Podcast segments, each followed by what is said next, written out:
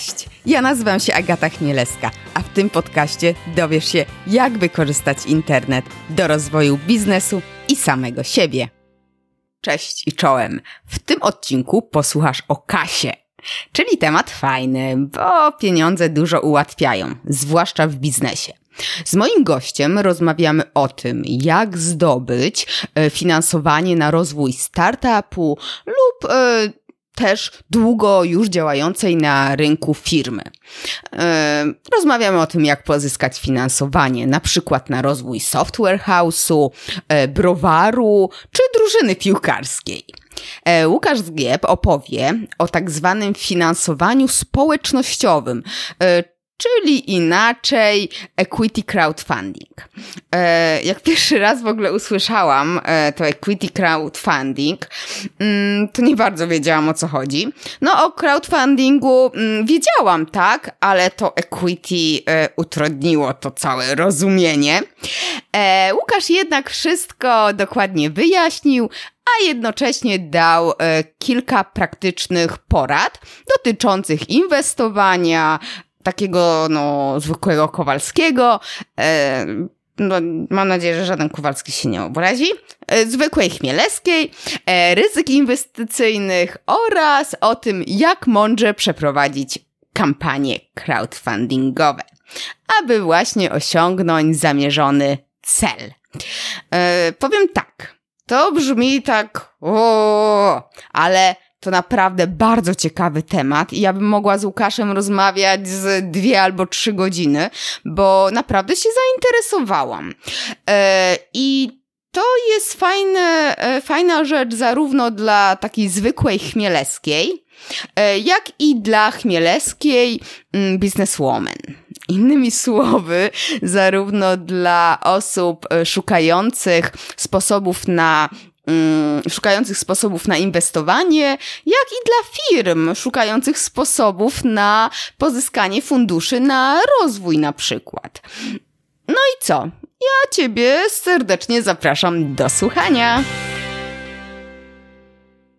Ale myślę, że gdybyśmy zaczęli właśnie tak, e, bo przecież e, w sensie, żeby nadać taką, tak jakbyśmy sobie rozmawiali przy piwie, nie? Tylko no. wiadomo, może też tak w miarę kulturalnie, ale to może być dobry pomysł, nie? Żeby taka była rozmowa właśnie. No a teraz mamy. Na. No, to pójdzie teraz. A, to już jest. Tak? To już się nagrywa. No i czas. No dobra. To co dobrego u ciebie słychać? Hmm, to jest zawsze dobre pytanie. Też zadaję znajomym takie pytanie. Ono od razu y, sugeruje, że tylko same dobre rzeczy są. Tak, właśnie. Tak, ale wiadomo, że życie takie nie jest i e, nie są tylko same dobre rzeczy. Ja cały czas e, zajmuję się nowymi technologiami, czy mhm. nowymi mm, zjawiskami na Ziemi. Zresztą pamiętam też, jak my się poznaliśmy, no to też wtedy, e, nie pamiętam, który to był rok, ale to mógł być tak, jakiś no. 11 albo 12 rok. Coś takiego pewnie. Tak. I wtedy social media były nowe. Pamiętam, tak. że to te środowisko nas połączyło. E, później mieliśmy jakąś małą przerwę kilkuletnią, ale gdzieś tam się spotkaliśmy. no i tak, się cieszę, że mogę być Twoim gościem w podcaście Jestem też pod ogromnym wrażeniem, bo który to już jest podcast twój? Teraz, e, teraz no. wczoraj wypuściłam 61 odcinek, więc no... Okej, okay, ale nie wiesz, który numer ja będę. Wiesz co? E, poczekaj, pomyślimy. E, wiesz co, albo e, 62 albo 63. Okej, okay, dobra. No to jestem pod ogromnym wrażeniem, bo chyba z 10, co najmniej 10 moich znajomych prowadzi już podcasty. Tak, I, popularne. I ja sam się ze dwa lata temu zastanawiałem, hmm, te podcasty to faktycznie fajna rzecz i słucham i, i nie tylko polskie, ale też i y, głównie ze Stanów. Ale jak zauważyłem, ile jest pracy przy podcaście, bo to ludziom pewnie tak się wydaje, że o, takie pogaduchy, tu dwie godziny i mamy tak. odcinek i to w ogóle nie trzeba nic pisać, bo bloga to trzeba jeszcze pisać, redagować, błędy stylistyczne i tak dalej, grafiki a tutaj się wydaje, że tylko klikam, nagrywam, rozmawiam i takie proste. No ale pewnie sama wiesz, że to nie jest takie proste i... Tak, tak. Wiesz co, na początku pierwsze odcinki zajmowały mi tak wszystko, wszystko, wszystko z nagraniem i, i, i z tą całą otoczką. 25 godzin jeden odcinek. Więc e, teraz to już tam 4-5 z, zmieszczę, nie? No, ale to jest dalej 5 godzin, nie? I, e, I faktycznie, no, można sobie radzić w ten sposób, że się deleguje, tak? I montaż, i, i mm, transkrypcje, i publikacje, mhm. to zależy, wiesz, jak chcesz, ale Ja jestem taka, że ja sama najlepiej i, i sama to robię, ale jest dobrze, jest fajnie. Okay, ale i... tym bardziej jestem pod wrażeniem i, i gratuluję i podziwiam i, i, cieszę się, że mogę być twoim gościem i podzielić się z twoimi słuchaczami e, jakimiś moimi przemyśleniami, czy też e, mam nadzieję, że ta rozmowa będzie wartościowa dla mnie. No właśnie, bo ciekawy temat. E, czekaj, żebym ja to dobrze przeczytała, wymówiła. E, e equity crowdfunding, tak? Co to jest? Co, co, co w ogóle to ma polską nazwę? Tak, to jest dokładnie po starosłowiańsku equity crowdfunding. Tak. E, a po polsku na dziś e, to nic, nic, innego jak crowdfunding udziałowy, mhm. czy też e, finansowanie udziałowe. Ale crowdfunding to też jest drugie słowo, które...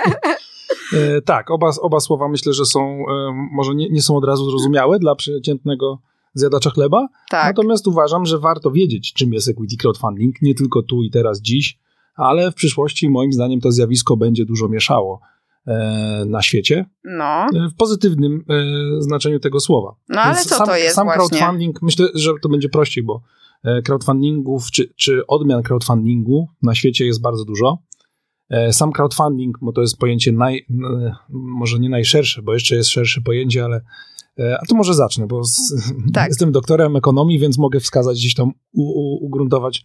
Sam crowdfunding jest częścią większego ruchu, e, który nazywa się collaborative economy, czyli ludzie dzięki platformom internetowym mogą między sobą wybierać, wymieniać dobra, usługi, idee, umiejętności. Tak. No to jest bardzo, bardzo szerokie pojęcie.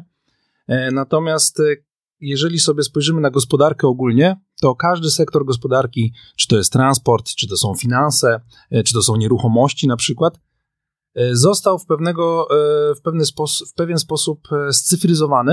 Mhm. No i właśnie Collaborative Economy, te platformy, gdzie ludzie mogą, na przykład Airbnb, no to są mhm. nieruchomości, tak? BlaBlaCar czy Uber, no to jest transport. A crowdfunding właśnie to są finanse. Aha. I tak się składa też, że w ogóle w gospodarce, tak już mówiąc górnolotnie, patrząc z, lotu ptaka, mm, te trzy branże, czyli finanse, transport i nieruchomości, odpowiadają za taki dosyć znaczący udział w ogóle naszego życia, mhm. takiego społeczno-ekonomiczno-gospodarczego. Więc e, w finansach, e, oczywiście to jest jeszcze znowu, jak wejdziemy w finanse, to tam są różne odmiany, jeszcze e, gdzieś tam, gdzie ludzie mogą kolaborować między sobą. To takie też starosłowiańskie słowo ładne. Tak czyli współpracować, wymieniać między sobą jakieś dobra, usługi, zasoby, e, dzięki właśnie technologiom internetowym i dzięki platformom.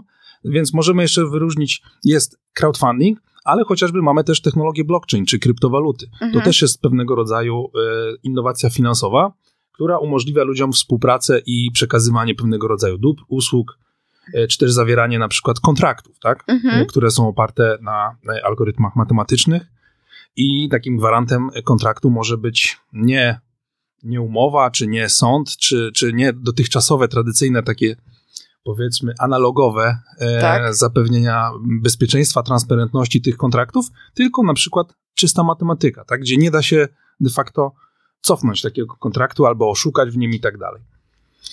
E, no i dotarliśmy do crowdfundingu, tak? Jesteśmy tak. E, no właśnie, bo mówisz, że wymiana, wymiana i pieniądze, że co, wymieniają się pieniędzmi ludzie? No nie, właśnie o to chodzi. I teraz tak, mamy platformy crowdfundingowe takie zwykłe, tradycyjne, gdzie ludzie mogą wesprzeć jakiś projekt tak. i w zamian za to otrzymać e, dany produkt lub usługę. Tak. Jedną z takich najbardziej popularnych e, platform jest na przykład Kickstarter w Stanach Zjednoczonych. Na pewno e, mhm, mam nadzieję, tak. że tutaj większość Twoich słuchaczy słyszała o Kickstarterze.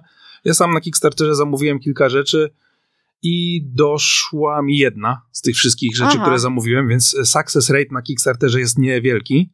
Niestety, no bo e, wiecie, często jest tak, że ludzie tam poprzez, zgłaszają po prostu jakąś ideę, że wyprodukują tak. jakiś innowacyjny produkt.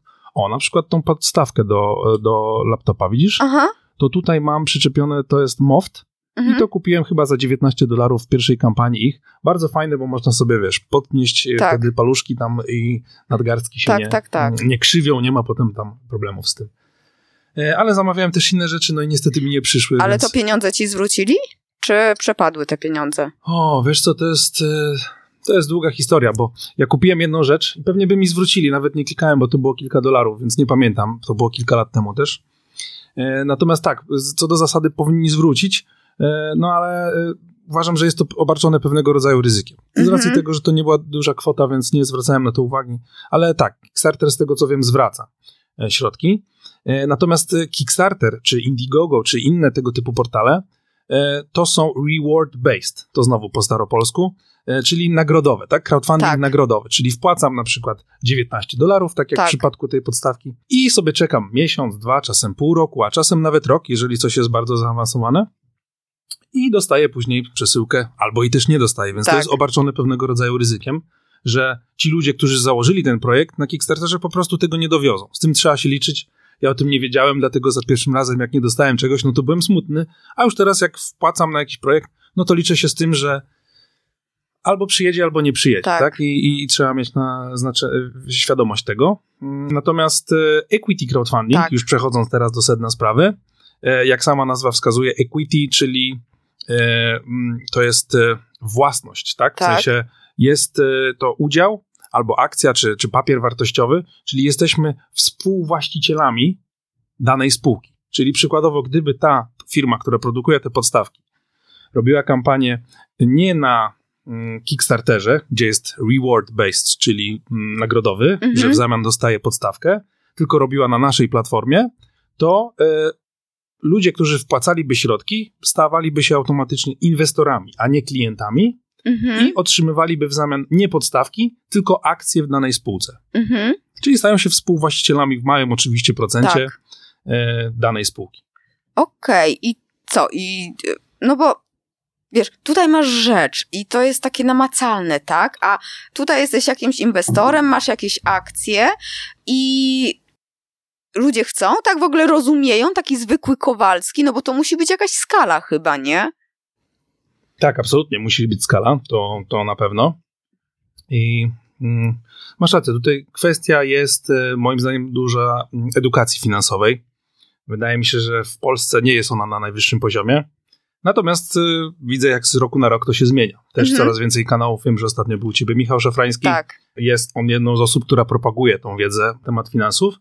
E, natomiast e, jeżeli chodzi o udziały i dlaczego w ogóle warto by było posiadać akcje w jakiejś spółce, no to może zacznę od takiej fundamentalnej strony, a mianowicie, bo większość ludzi oddaje swoje pieniądze, które tak. zarabia w podatkach, czy na ZUS, czy i, i... Tak, nie przypominaj. No tak, ale oddajemy te pieniążki, tak? I one gdzieś tak. trafiają. Podejrzewam, że zdecydowana większość ludzi nie wie, gdzie one trafiają ale one trafiają bardziej pośrednio albo bezpośrednio na giełdę, czyli są inwestowane też w akcje spółek, które są na giełdzie. Mhm. A na giełdzie z reguły, co do zasady, są spółki rozwinięte, dojrzałe, które już udowodniły swój model biznesowy, pracują w bardziej tradycyjnych branżach bardzo często, e, które generują czasem przychody, czasem straty. E, ten kurs e, akcji może się wahać, tak? no bo to są, są notowania na różnych giełdach na świecie. No i tam są lokowane środki ludzi, którzy oszczędzają na emeryturę, tak? Tak. I tu tak jakby piecze trzyma nad tym państwo. Mhm. No i co jest ciekawe, to no ja nie znam takich badań, które by mówiły, że e, państwo może coś zrobić lepiej za, niż, e, niż osoba indywidualna. Mhm.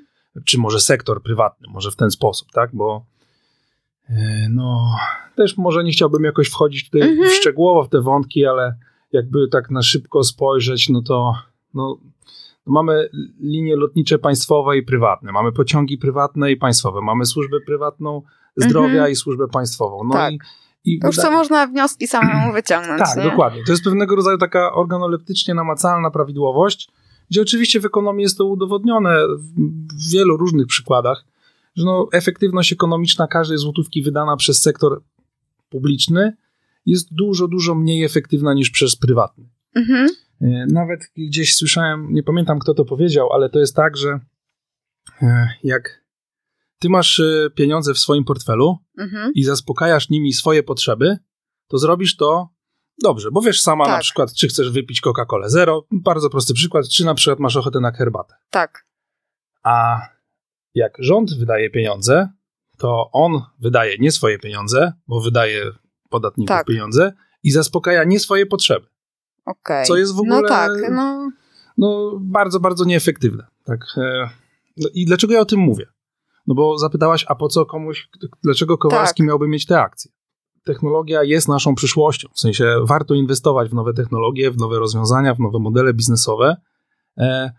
I nie chciałbym, żeby to było odebrane tak, że ja to postrzegam jako inwestycja na emeryturę, no bo Mhm. to też oczywiście wiadomo, ten portfel należy dywersyfikować, ale e, szczególnie młodzi ludzie powinni podejmować to ryzyko, tak? Czyli inwestować Mhm. w spółki, które są na wczesnym etapie, w spółki, które mogą coś zmienić w naszym otoczeniu, w naszej rzeczywistości.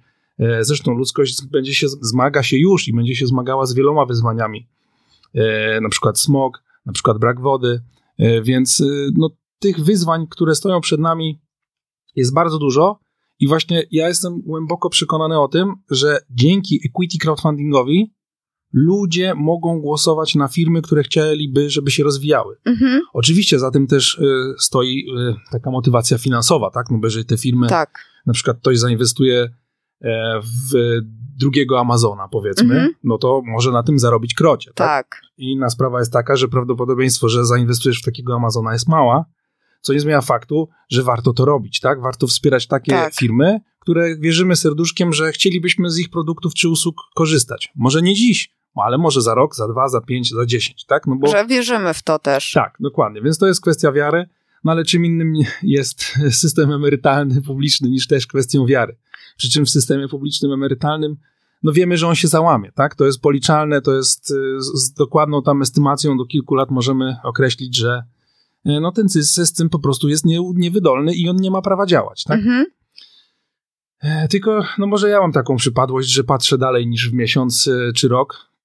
Patrzę w perspektywie 5, 10, czasem 15 lat, staram się w swoich estymacjach.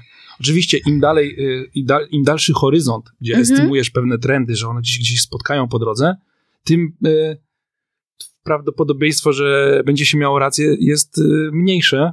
No ale to nie znaczy, że nie warto tego robić. Warto patrzeć, gdzie zmierza ludzkość, jakie wyzwania stoją przed nami. E, Bardzo e, no w ostatnich latach kilku, myślę, że z pięciu, sześciu, coraz głośniej w Polsce w końcu się mówi o smogu. Więc e, dzięki equity crowdfundingowi, jeżeli ludzie mają świadomość, Tak. że okej, jakaś jest jakieś zagrożenie, to może stwórzmy technologię, tak? Albo zainwestujmy w ludzi, którzy mają plan, żeby coś zrobić, co zniweluje te efekty w przyszłości, tak? No bo tutaj smog jest oczywiście takim prostym przykładem, ale tych wyzwań jest więcej. Mhm. E, Przykładowo brak wody, o tym też się głośno nie mówi, ale my w Polsce mamy bardzo fatalne zasoby wody, takiej gruntowej i, i, i to też będzie ogromne wyzwanie w najbliższych latach. No dobrze, ale ja sobie, załóżmy, jestem świadoma i, znaczy jestem, coś tam wiem, ale no nie inwestuję w te takie właśnie firmy, no bo też nie mam tej świadomości, jak to wygląda i w co inwestować, ja zainwest- ile zainwestować, czy te pieniądze do mnie wrócą i czy faktycznie tak na tym się da zarobić, czy to jest po prostu, wiesz, właśnie, yy, też ludzie nie oszczędzają na emeryturę, bo emerytura to tam za x lat. I właśnie jak to wygląda, no bo o Kickstarterze sobie powiedzieliśmy, to może wyjść, nie wyjdzie, tam pieniądze zwracają, nie zwracają. Tutaj nie dość, że nie mamy tego namacalnego, czegoś zaraz, czyli ta motywacja jest mniejsza, wiadomo, jak, e, jak coś jest odległe, no to trudniej nam e, w to zainwestować czas, siły, cokolwiek. I jak to tutaj wygląda, jak ten proces wygląda, bo ogólnie z tego, co zrobiłam research, znamy się, znamy się, ale ty pracujesz, w, pracujesz, nie wiem właśnie, BizFound, tak? Mhm. No i to jest właśnie taka platforma, tak, jak Kickstarter, tylko że właśnie te udziały.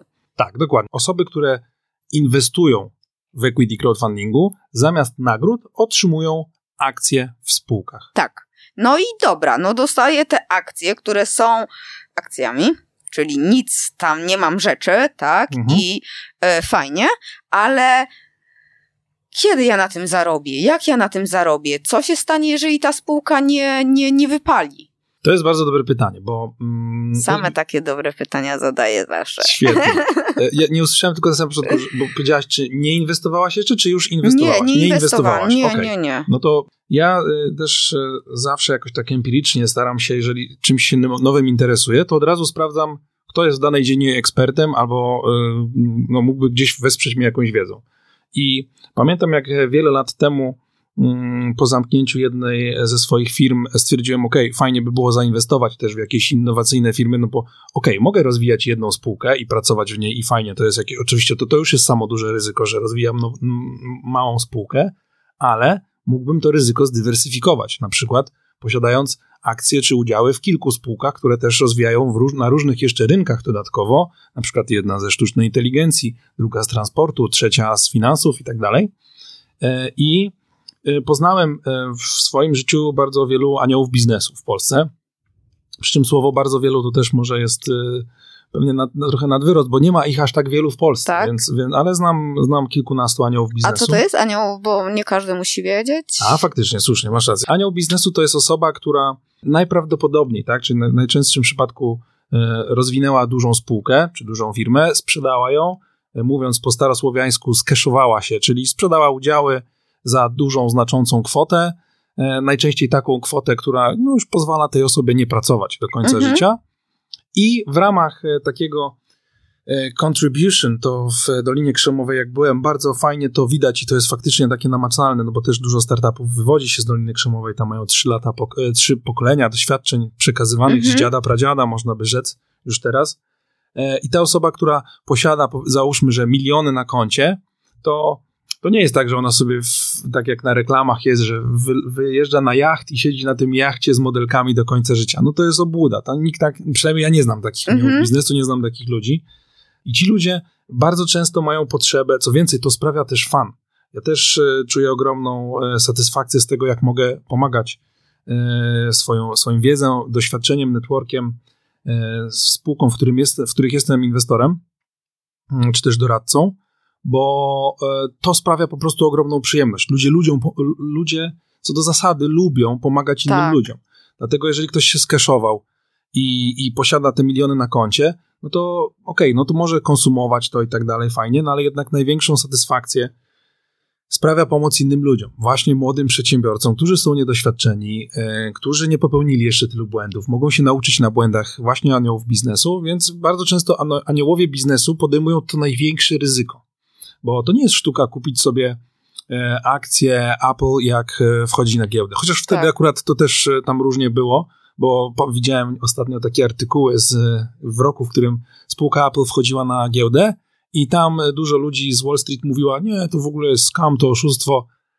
A kurs, tej, kurs tych akcji hmm, Apple urósł o 65 tysięcy procent bodajże. Wow. Czyli z jednego dolara e, miała być 6,5 tysiąca dolarów. Gdybyś kupiła za jednego dolara akcję e, spółki Apple, więc to jest, no, no, ale tu podaję skrajny przykład, tak, tak bo to tak, jest tak. jednak e, Amazon tak samo, tak, z jednego dolara e, zainwestowanego teraz miała być 2000 dolarów, mhm. tak, no ale to są takie wiadomo tuzy i, i te firmy, które e, rozwinęły się naj, najbardziej dynamicznie, ale możemy sobie zadać pytanie, w jakim sektorze pracują te firmy, tak, technologicznym, tak, dostarczając mhm. te, te firmy bardzo często kupują rocznie po 200 startupów. Po prostu wyobraź sobie, że wybierasz się na zakupy, a wiesz, 200 rocznie to znaczy, że co miesiąc kupujesz 10 startupów. To tak. znaczy, że co 3 dni, tak jakbyś chodziła, załóżmy, że chodzisz do sklepu po bułki co 3 dni, to wyobraź sobie, że taki Apple to co 3 dni sobie chodzi po startup nowy kupuje, mhm. tak? Żeby zaimplementować jakiegoś rodzaju technologię. A, trochę odszedłem od, e, od tego wątku. E, natomiast aniołowie biznesu to są właśnie takie osoby, które, i to też żebyśmy mieli świadomość, im wcześniejszy e, etap rozwoju spółki, tym większe ryzyko dla inwestora. Tak. To co do zasady, no tak? tak? No jeżeli na przykład dzisiaj byśmy postanowili, że założymy jakiś biznes wspólnie i rozrysowali sobie biznesplan, siedzieli tutaj do północy, i on by był na kartce papieru, nawet jakbyśmy sobie jakąś super prezentację w kinocie strzelili, to nadal to jest pomysł na kartce papieru. Tak. Tu tyle rzeczy, my możemy się jutro pokłócić, wiesz, o udziały, bo ty myślałaś, że będziesz miała 60, a ja będę miał 40 i tak dalej. To jest w ogóle dramaty ludzkie, y, wiesz, czasem telenowele to tak. to, to, też jestem świadkiem takich, e, ten, ale to są ważne rzeczy, tak, wbrew pozorom, bardzo ważne rzeczy, więc im wcześniejszy etap rozwoju spółki, tym większe ryzyko. A im ta spółka rośnie, ma przychody i rozwija się i zbliża się gdzieś tam do IPO na przykład, czy akwizycji, tym to ryzyko jest mniejsze. No i teraz e, aniołowie biznesu podejmują właśnie to największe ryzyko. To się nazywa często pre-seed albo mhm. seed mhm. inwestycja, czyli taki fundusz zalążkowy, czy też inwestycja zalążkowa. Seed to po angielsku jest nasiono, czyli tak. takie E, pierwsze pieniądze z reguły E, w Polsce to nie są duże tikety. Tikety? Między... A, to też starosłowiańskie słowo. Będę tłumaczył, bo ja bardzo dobrze władam starosłowiańskim językiem, także e, ticket to jest e, po angielsku bilet. Tak. A po, po starosłowiańsku to jest e, mm, po prostu kwota inwestycji, tak? Mhm. Załóżmy, że inwestujesz w jakąś spółkę 100 tysięcy złotych i to jest twój ticket, to jest 100 tysięcy złotych, tak? Na takim tikecie Mhm. e, zainwestowałaś w tę spółkę. E, I z reguły w e, aniołowie biznesu w Polsce inwestują od 50 e, do powiedzmy pół miliona złotych, tak? Zdecydowana większość takich inwestycji e, seedowych, czyli tych wczesnych, Mhm. czyli bardzo często też są pomysły na kartce papieru właśnie, albo dopiero z prototypem, tak? Albo z No to pierwszymi... bardzo rzadko w Polsce, nie? No właśnie, ja bym chciał zacząć odczarowywać ten mit, że to jest bardzo rzadko w Polsce, bo sam e, bardzo często pomagam takim spółkom właśnie w znalezieniu takich aniołów biznesu. E, I, i im e, dłużej działam na tym rynku, im więcej ludzi znam i, i też koinwestuję z różnymi inwestorami, tym e, coraz większą ilość projektów dostrzegam. Także owszem, tak było może 10 lat temu, i tutaj pełna zgoda. Natomiast myślę, że ten e, rynek nasz startupowy czy innowacyjny buduje się, tak? E, Mam na myśli innowacyjny, nie innowacje w korporacjach typu Microsoft, Tak. chmura i tutaj, e, tak? Tylko właśnie bardziej takie mm, Znaczy, oddolne. no tak, no może się tworzyć, no ale czy inwestują w to, e, wiesz, aniołowie biznesu, no i tak, też... inwestują, oczywiście. Jak Okej. najbardziej. Jeżeli jest na kartce papieru też. Tak, oczywiście znowu, to jest też skorelowane z ryzykiem, więc jeżeli jesteś inwestorem, który załóżmy ma 3 miliony oszczędności złotych, no to on raczej nie będzie inwestował w takie e, kartki papieru, Tak. no bo dla niego będzie to zbyt ryzykowne, tak? Mhm. E, natomiast jeżeli on ma 30 czy 300 milionów, no to dla niego, wiesz, wydanie 200 tysięcy złotych na przykład e, danie w spółce, ok, udowodnicie, że to działa, tak? Tak. Za te 200 czy 300 tysięcy dowieście pierwszych 10 klientów i wtedy wróćcie do mnie, to porozmawiamy, tak? Więc e, takich ludzi na szczęście jest coraz więcej. E, na szczęście też pojawiają się ludzie, którzy cashują swoje biznesy, czyli znowu, bo to tak Sprzedają. działa, tak, Mhm. tak, sprzedają. E, I to jest taki samo napędzający się mechanizm. Tak? Jeżeli pierwsza fala founderów właśnie teraz poprzez jakieś różne czy akwizycje, czy exity wychodzi, czyli pozyskuje środki, Mhm. to tu akurat nie znam statystyk, bo, bo nie chcę wprowadzać w błąd, ale stawiam hipotezę, że zdecydowana większość ludzi, y, tych founderów, którzy zarobili na tym duże pieniądze, będzie chciała się dzielić tą wiedzą, zakładać swoje fundusze venture capital, y, współpracować, koegzyst- koegzystować na tym rynku, po to, żeby oddolnie wspierać swoją wiedzą, doświadczeniami, kontaktami biznesowymi y, tych młodych przedsiębiorców, którzy chcą coś zmienić, tak? Chcą Mhm. zmienić rzeczywistość, w- stworzyć nowy produkt, usługę, która lepiej dopasuje się do rzeczywistości, no bo na- nasza rzeczywistość coraz to szybciej się zmienia, no i warto e, ją obserwować. Ja bardzo się tym fascynuję, więc e, jest to dla mnie ogromna przyjemność. Tak, no ale dobra, jeżeli oni są, to po co zwykły człowiek, zwykła chmieleska albo niezwykła i, i wchodzę sobie na Bisfanda, patrzę, okej, jest taka, tutaj opcja taka, taka firma, taka firma, one tam się oho, ho, co oni nie zrobią albo co nie robią. No ale tak o, skąd ja mam wiedzieć, ile ja mam w tam kasy włożyć? Yy, czy ja stracę? Czy jeżeli stracę, znaczy jeżeli to nie wypali, to e, to czy odzyskam te pieniądze. Jeżeli nie wypali, to ja nie chcę sobie zamrozić tych pieniędzy, no nie. I no, właśnie. No to już odpowiadam na twoje pytanie. Po pierwsze, to są najbardziej, jedne z najbardziej ryzykownych inwestycji, jakie mogą istnieć. W sensie, jeżeli porównamy sobie to do lokaty bankowej, która powiedzmy, że jest w miarę pewna, no bo to też, e, już nie wchodząc w szczegóły, tam limity, fundusze Mhm. bankowe, gwarancyjne, to też jest, lokaty też są oparte na wierze, tak? No ale załóżmy, że większość ludzi póki co, chociaż gdzieś tam e, obecna sytuacja na rynku, no bo możemy powiedzieć, że nagrywamy to 28 lutego, więc rynki finansowe się zachowują jak zachowują, ale no tak, to, to, to już nic nie jest dane raz na zawsze, tak? tak. Ale jeżeli spojrzymy sobie na lokaty czy nieruchomości, e, takie bardzo tradycyjne formy inwestowania i bezpieczne zarazem, oczywiście to znowu, one nie są gwarantowane, tak? Tak. Nic nie jest gwarantowane. Jak ktoś ci mówi, że jest jakaś gwarantowana inwestycja, to powiedz, ha, to jest bardzo interesująca propozycja, ale ja nie jestem nią zainteresowana, no bo nie ma czegoś takiego jak Okej. jak e, gwarantowana stopa zwrotu czy coś Mhm. takiego. To jest obłuda. E, więc e, zawsze jest jakieś ryzyko. Ono może być mniejsze lub większe. Jak wkładam pieniądze na lokatę, na przykład trzymiesięczną, no to pewnie prawdopodobieństwo, że ja wyjmę te pieniądze z powrotem po trzech miesiącach jest 99,999 tam jeden tak. załóżmy, tak? A jak inwestuję w startup na, e, na wczesnym etapie, no to taka złota zasada i to mm, wielu aniołów biznesu podkreśla, E, I oni mówią tak wprost. Mówią, ok, ja wrzucam w tą spółkę czy 100, czy 200, czy 300 tysięcy i ja od razu w dniu, kiedy klikam przelew, czy, czy, tak. czy dokonuję tej transakcji, ja zakładam, że te pieniądze straciłem. Mhm. Wiem, że to może brzmieć, brzmieć e, tak e, może dziwnie nawet, czy zaskakująco, albo szalenie, no ale właśnie z takim mindsetem powinno się inwestować w, w spółki na wczesnym etapie. Jeżeli ty od razu się pogodzisz, ok, jest fajna spółka, tak, robią fajną rzecz tak. i inwestuję w nią kwotę, zaraz możemy porozmawiać, jaką kwotę, y, jaka kwota powinna być adekwatna, mhm.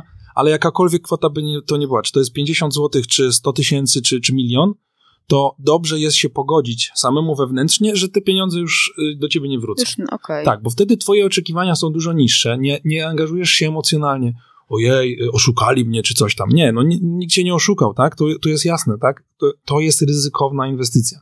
Więc warto o tym pamiętać, że inwestując w ogóle w jakąkolwiek spółkę, jest to skrajnie ryzykowne. Tak. Bo my mówimy, to też nawet jeżeli w swoją firmę inwestujesz, to też nie wiesz, czy to wypali. Absolutnie, dokładnie, zgadzam się z tobą. Inwestujesz w coś, nawet w stronę internetową inwestujesz, ale nie wiesz, czy to się zwróci. W blog inwestujesz, nie wiesz, czy to ci się zwróci, nie? Tak, absolutnie. E, powiem ci więcej. Jak już mieliśmy te lokaty, bank, możemy mieć jakieś obligacje, są e, fundusze e, inwestycyjne, ETF-y, możesz kupić akcje konkretnej spółki notowanej na giełdzie, czy, czy polskiej, czy, czy, czy w Stanach, e, czy na dowolnym innym rynku, mhm. no to te wszystkie inwestycje wiążą się z pewnego rodzaju ryzykiem. Jedne mhm. są mniejsze, drugie e, większe. Więc chociażby inwestując nawet w spółkę E, konkretną, jedną na giełdzie, no też skrajnie ryzykujesz. Przy czym inwestując w spółkę, która jest notowana na giełdzie, ma powiedzmy, nie wiem, miliardy przychodów rocznie, no to to ryzyko jest dużo, dużo mniejsze niż jak inwestujesz w startup, który miał, który na przykład w ogóle nie miał jeszcze przychodów. Tak. To pomyśl sobie, zobacz jaka to jest inna optyka. Okej, okay, no a jeżeli jestem taką właśnie firmą, która faktycznie, no, y, zakładamy tą spółkę i, i sobie tutaj chcemy inwestorów y, zwykłych Kowalskich pozyskać, to nam się to opłaca, bo zobacz, tutaj mam jednego inwestora, on mi tam pewnie narzuca, znaczy nie pewnie, zwykle narzuca swoje jakieś tam oboszczenia, tak, że tutaj ciśnie, że chce już tutaj kasa i w ogóle, a ja jako yy, i my, tak, jako spółka Kurczak Company. Podoba mi się. tak, yy, mamy x tych inwestorów, tak, bo to może być naprawdę dużo i czy to jest dla nas opłacalne i czy y, jakie też dla nas ryzyko się wiąże, no bo też pewnie słuchacze no, maj, mogą sobie otworzyć w głowie pomysł, aha, no to tak mogę pozyskać kasę, nie? Y, na jakiś swój pomysł. Mm, no i właśnie od, od strony firmy, takiej startupu. Uważam, że to jest jedna z najbardziej optymalnych w 2020 roku form pozyskania kapitału i to nie tylko dla startupu. Podkreślę mhm. to wyraźnie, nie tylko dla startupu. Jestem w stanie sobie wyobrazić sytuację, w której e, firma, która ma zajętą pozycję na rynku, tak, dobrze się rozwija, ale czuje, że pojawiają się jacyś nowi gracze mhm. na rynku. Podgryza, zaczynają jej podgryzać rynek, bo e, ich produkt jest bardziej innowacyjny, nowoczesny. Mhm. A ta duża firma nie jest tak zwinna, nie jest tak sprytna, żeby e, dostarczyć e, takie usługi innowacyjne i tak dalej to przeprowadzając kampanię equity crowdfundingową, ta firma może przyciągnąć jako inwestorów swoich klientów. E, na pewno znane jest e, to, tobie pojęcie love brand, tak? Że, mhm. że buduje się markę i że są fani danych marek. Tak. To, to jeżeli jest się taką firmą, która już ma zajętą pozycję na rynku, to możesz pozwolić swoim fanom, swoim klientom, żeby byli współwłaścicielami, tak? Tak. Dzięki temu możesz im wypłacać dywidendy, na przykład dzielić się zyskiem, no, tu takim dobrym przykładem jest, to jest taka może szalona koncepcja, ale powiem ci o niej, bo myślę, że kto wie, jak sobie odsłuchamy to za 20 lat, to może tak się będzie. Aha. Wyobraź sobie, ja na przykład e, od wielu, wielu lat, e, mój były wspólnik mnie e, namówił kiedyś na MacBooka Mhm. I stwierdziłem, no dobra, to kupię sobie MacBooka. No i kupiłem tego MacBooka. Na początku musiałem tam gdzie indziej się klika, Tak. ale od tamtego, to nie wiem, było z 8 lat temu co najmniej, od tamtego czasu y, ja używam nie tylko MacBooka, ale też i iPhone'a, Watcha, AirPodsów, Apple TV, no y, nie wiem, czy Apple ma jeszcze jakieś inne sprzęty. Po prostu to wszystko działa, jest niezawodne. I teraz tak, ja sobie, y, kiedyś po- pojawiła się taka moja myśl, że gdybym ja na przykład kupował sobie komputer Microsoftu, Mhm. albo, nie wiem, Samsunga telefon, no to tak z filozoficznego punktu widzenia, to ja wybierając, który smart, z którego smartfonu korzystam, to ja głosuję pieniążkami, żeby powstał kolejny iPhone na przykład, Okej. albo kolejny Samsung. Tak. No i teraz zobacz, gdybym ja na przykład do każdego sprzętu Apple, którego kupuję, dostawał nawet może nie jedną akcję, no bo ona tam Mhm. na dzień dzisiejszy kosztuje 270 dolarów, a jeszcze tydzień temu kosztowała, no miesiąc temu 330, to podkreślę, że to jest duża promocja, e, to no ale jakiś kawałeczek tej akcji, tak. Tak. No bo przecież i tak kupuję te sprzęty z mojego Apple ID, więc Apple wie, że ja to ja i że ja kupuję te iPhony od X lat i ten. To dla mnie na przykład zmiana za 10 lat, żebym ja przeszedł do Samsunga, żeby kupować jego Tak. produkty, już by była dużo trudniejsza, bo ja bym miał, wiesz, jakieś tam akcje w Apple, tak? Bym był współwłaścicielem Tak. w jakimś mikroprocenciku, ale jednak. Więc wiesz, to i też na przykład miałbym jakąś małą dywidendę z tej spółki. I jeżeli to było na dużej skali, to spółki mogłyby wiązać kapitałowo ze, swo- ze sobą swoich klientów, żeby ci byli mniej skłonni, żeby przejść do konkurencji. Rozumiesz? Tak. To jest może taka szalona, ale jestem w stanie sobie wyobrazić sytuację, gdzie jestem w Apple Store, przykładam kartę, żeby kupić nowego iPhone'a i od razu automatycznie dostaję też jedną akcję Tak. spółki. Nie? Bo, bo ja głosuję swoimi pieniążkami, żeby tam kolejni projektanci, inżynierowie tworzyli kolejnego iPhone'a. To taka może szalona e, propozycja, dygresja. Nie wiem, jak ktoś by chciał w komentarzach z tym polemizować, to zapraszam. Nie? Co, co myślicie o takim szalonym pomyśle doktora Zgiepa? Ale no dobra, ale zobacz, i y, sobie wychodzimy, no ale tutaj mówisz, że można dawać jakieś dywidendy, ale jak jest tylu inwestorów, to trzeba jakoś nimi chyba zarządzać, co? Jak, jak to właśnie wygląda od strony firmy? Tak, no właśnie to są magiczne rzeczy. Dla małej spółki to jest ogromna szansa, bo jeżeli ona jest e, innowacyjna, albo wchodzi dopiero z nowym produktem na rynek, to jest na przykład spółka Ogen. Ona przeprowadzała też u nas Mhm. kampanię. E, oni robią testy genetyczne. Ogen osiągnął moim zdaniem kilka efektów. E, dzięki kampanii Tak. equity crowdfundingowej, takich pozafinansowym, bo oni tam zebrali chyba milion czterysta tysięcy złotych Wow. e, niecały, e, tak mi się wydaje, tam milion trzysta c- coś. I po pierwsze, wzrosła im sprzedaż podczas e, kampanii.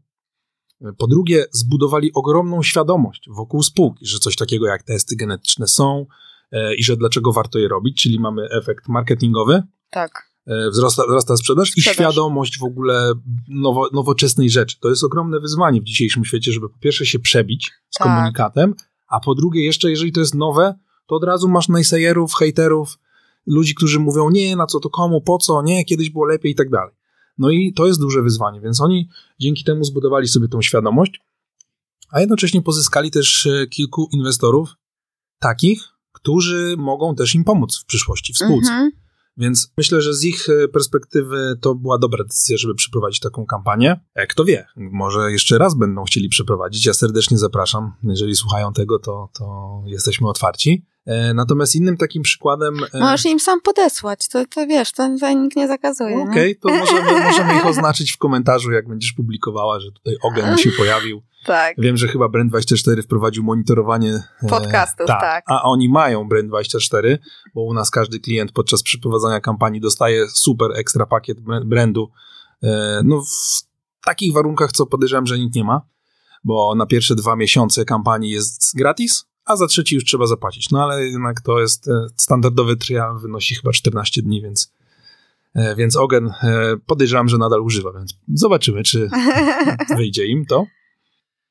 E, No ale to, to są takie podstawowe rzeczy, tak? W sensie mm, mówię podstawowe, bo mm, marketing oczywiście można robić na różne sposoby i, i mm, no ale okej, może kolejny szalony pomysł i taki browar Łomża. On jest ani duży, ani mały. I gdyby taki browar Łomża przeprowadził sobie kampanię equity crowdfundingową, no to to by była dla niego świetna forma w ogóle marketingu, promocji. Bo Mhm. prawdopodobnie browar Łomża nie potrzebuje pieniędzy na finansowanie, prawdopodobnie tam się biznes spina, e, wypłaca dywidendy właścicielom.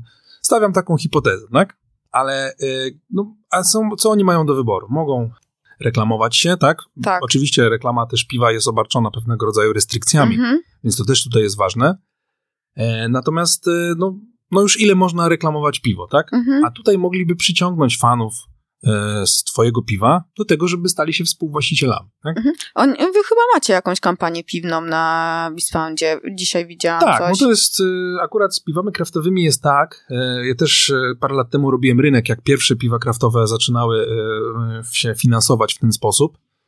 To takim jednym, no największym podejrzewam, że przykładem, nie znam większego, jest Brewdog Mhm. z Wielkiej Brytanii. Oni przeprowadzili kampanię 8 razy na przestrzeni 10 lat, czyli mniej więcej co rok robili kampanię. Teraz są wyceniani na e, miliardy. Ta sama spółka jest wyceniana na miliardy. E, No i są dostępni na całe, na, we wszystkich kontynentach, no naprawdę duża rzecz. Natomiast e, jak sobie spojrzałem na polski rynek, jest taki blog zwrotnica.com.pl chyba, dziwna nazwa, w sensie nie kojarzy się z piwem przynajmniej No. dla mnie, ale oni robią niesamowite zestawienie w ogóle, rok do roku wypuszczają zestawienie piw kraftowych. W sensie ile się pojawiło na rynku, ile się zamknęło browarów kontraktowych, bo tam jeszcze jest dzielone, jest browar kontraktowy, jest browar stacjonarny, no po prostu kosmos. I E, Ja wtedy, jak robiłem ten research kilka lat temu, to doszło do mnie, że okej, no w Polsce wtedy było około 300 browarów kraftowych. Teraz podejrzewam, że jest około, no strzelam, tak, ale to jest co najmniej dwa, może trzy razy tyle nawet.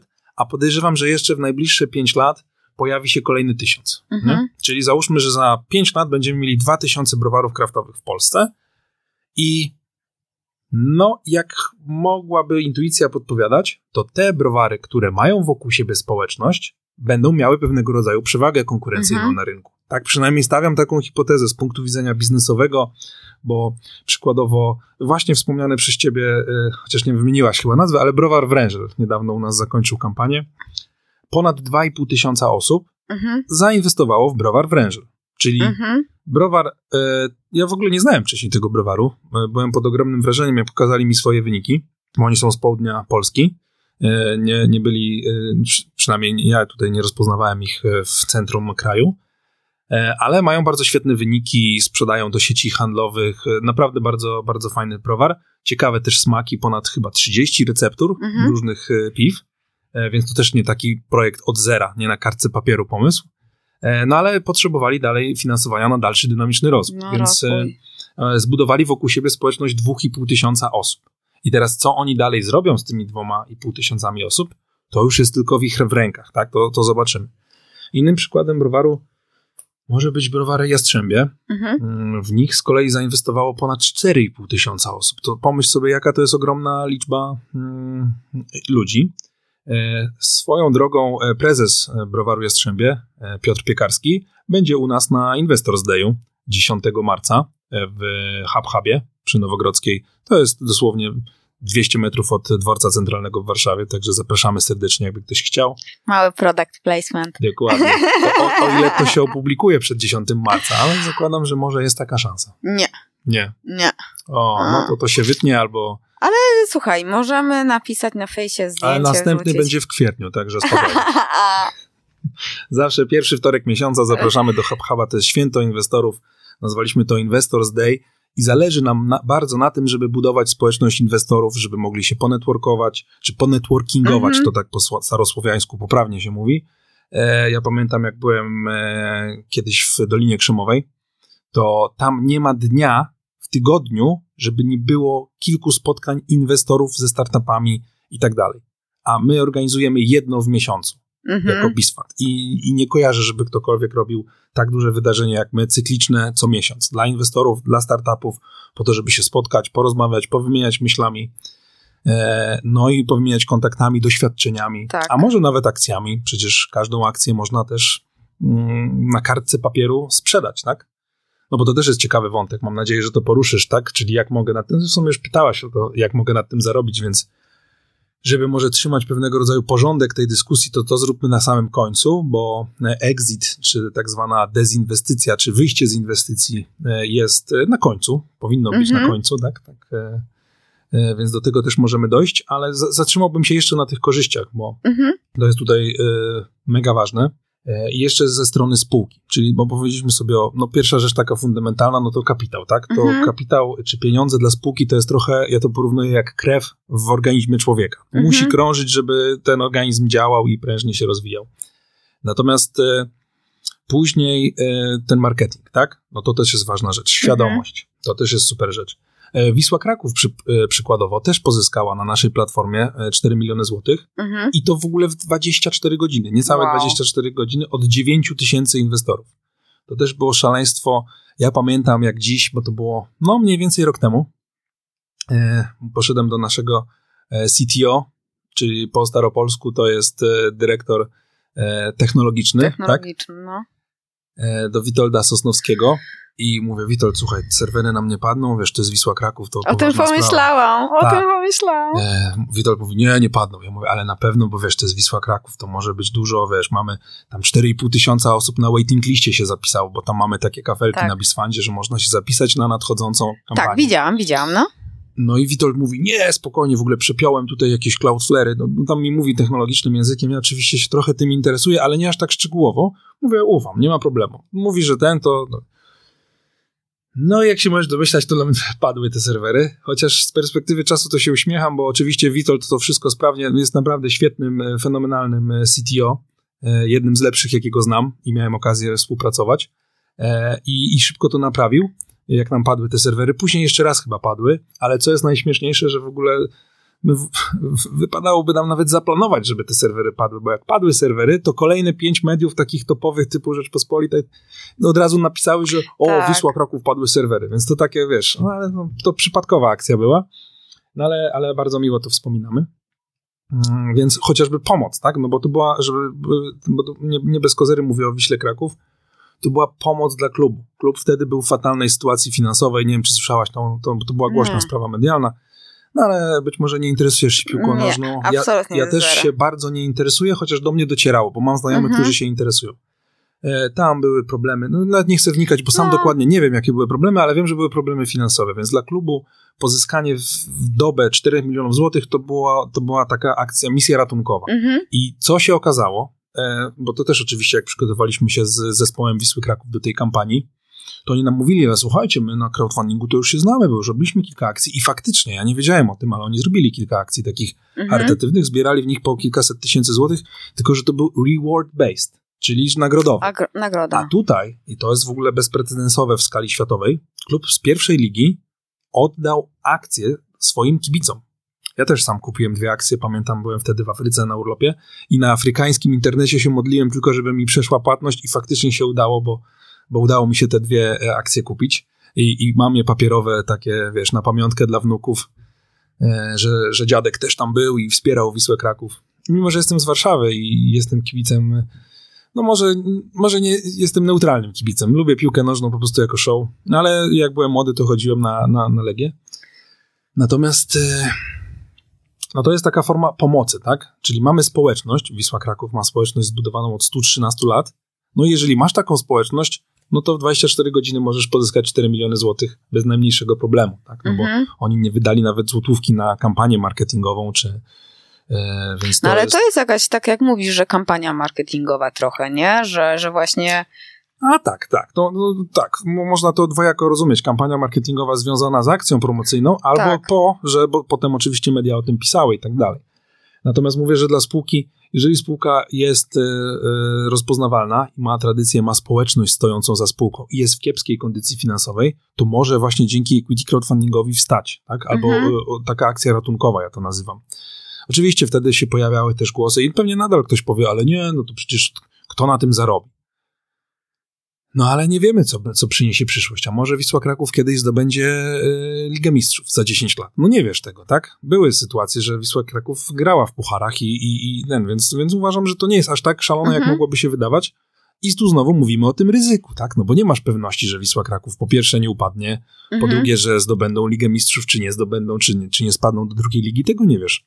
Ale ludzie tutaj akurat pewnie bardziej serduszkiem niż e, rozumem e, skupili Mhm. te akcje.